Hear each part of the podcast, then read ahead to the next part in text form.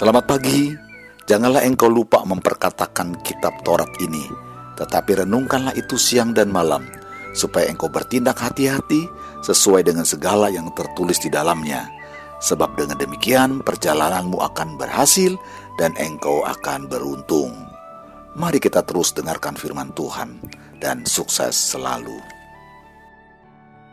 Ketika orang dengar nama Anda, apa yang muncul di benak mereka? Apa yang mendefinisikan diri Anda di mata orang? Yang mendefinisikan kita adalah tingkah laku kita, your attitude defines you. Perilaku kita, perbuatan kita yang mendefinisikan siapa kita. Acts speak louder than word. Tindakan bicara lebih keras daripada perkataan kita karena orang akan lihat perbuatan kita. Nama baik sebagai apa kita dikenal adalah buah dari hidup kita, perilaku kita, perbuatan-perbuatan kita. Dari semua itu akan terbentuk sebuah julukan biasanya. Contoh, si murah hati, si baik hati, atau orang bilang si tukang ngutang, atau si pemalas, atau orang juga akan mengenal kita sebagai orang yang pegang janji, orang yang tepat waktu, orang yang jujur. Orang akan mengenal kita, memberi sebutan kepada setiap kita sesuai dengan perbuatan atau sikap kita. Bagaimana kita memperlakukan orang. Contoh, ada orang yang kalau teman-temannya sebut dia, langsung mereka bilang gini, ah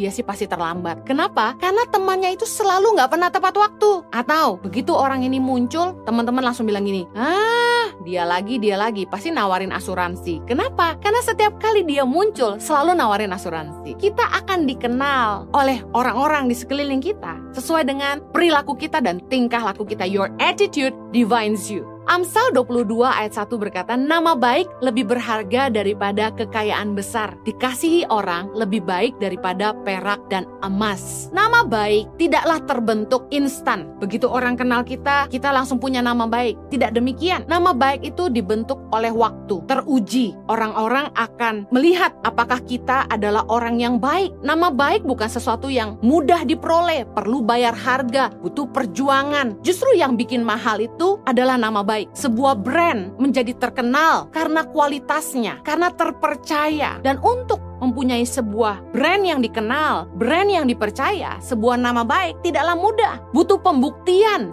bertahun-tahun, butuh upaya, pengorbanan dan waktu yang tidak sedikit, bahkan tidak mudah untuk membangun sebuah branding. Orang butuh keluar uang begitu banyak. Nama baik lebih berharga daripada kekayaan karena dengan adanya nama baik, apa yang kita bangun itu bisa kita wariskan buat anak cucu kita. Untuk memperoleh sebuah nama baik, kita juga harus membuktikannya lewat hidup kita. Amsal 20 ayat 11 berkata gini, anak-anak pun sudah dapat dikenal daripada perbuatannya. Apakah bersih dan jujur kelakuannya? Dari kecil dikatakan firman Tuhan. Anak-anak itu sudah bisa dikenal dari perbuatannya. Berarti perbuatan kita akan mendefinisikan siapa kita. Apakah kita pemalas? Apakah kita tukang ngutang, tukang tipu? Bahkan ada istilah perempuan jalang. Mengerikan. Saya ambil kata-kata ini dari apa yang beredar di masyarakat. Bagaimana orang bisa mendefinisikan seseorang sebagai pemalas, tukang ngutang, tukang tipu, dan lain sebagainya sebagainya karena perbuatan mereka, karena cara hidup mereka. Kalau kita ingin dikenal dengan hal-hal yang baik, kalau kita ingin punya nama baik, kita harus memastikan bahwa semua itu adalah buah dari hidup kita.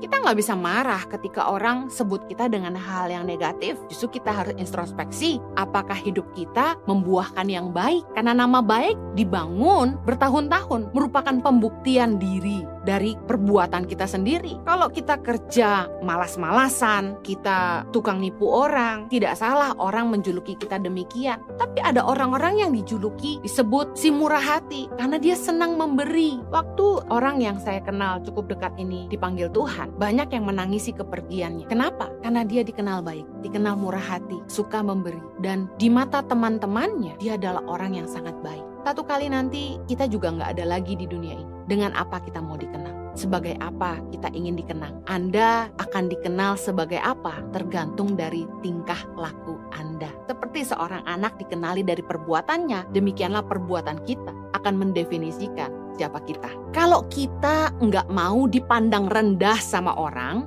jangan berlaku rendah.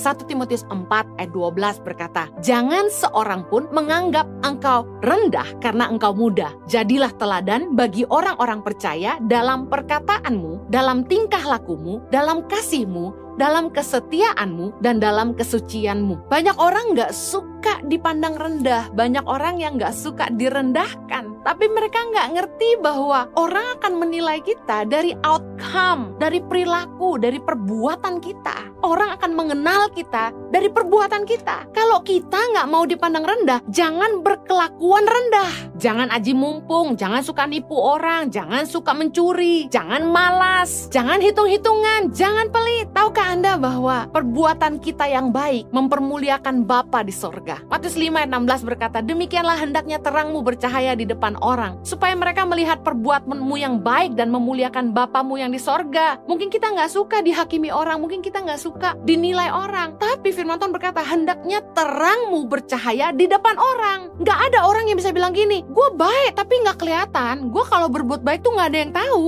Enggak, perbuatan kita yang baik harus nampak di depan orang kita harus baik. Karena perbuatan baik kita yang memuliakan Bapa yang di sorga. Justru kenapa banyak anak Tuhan jadi batu sandungan? Karena iman dan perbuatannya nggak sejalan. Tuhan Yesus memberkati saudara semua. Sampai jumpa dalam renungan yang berikutnya. Hallelujah.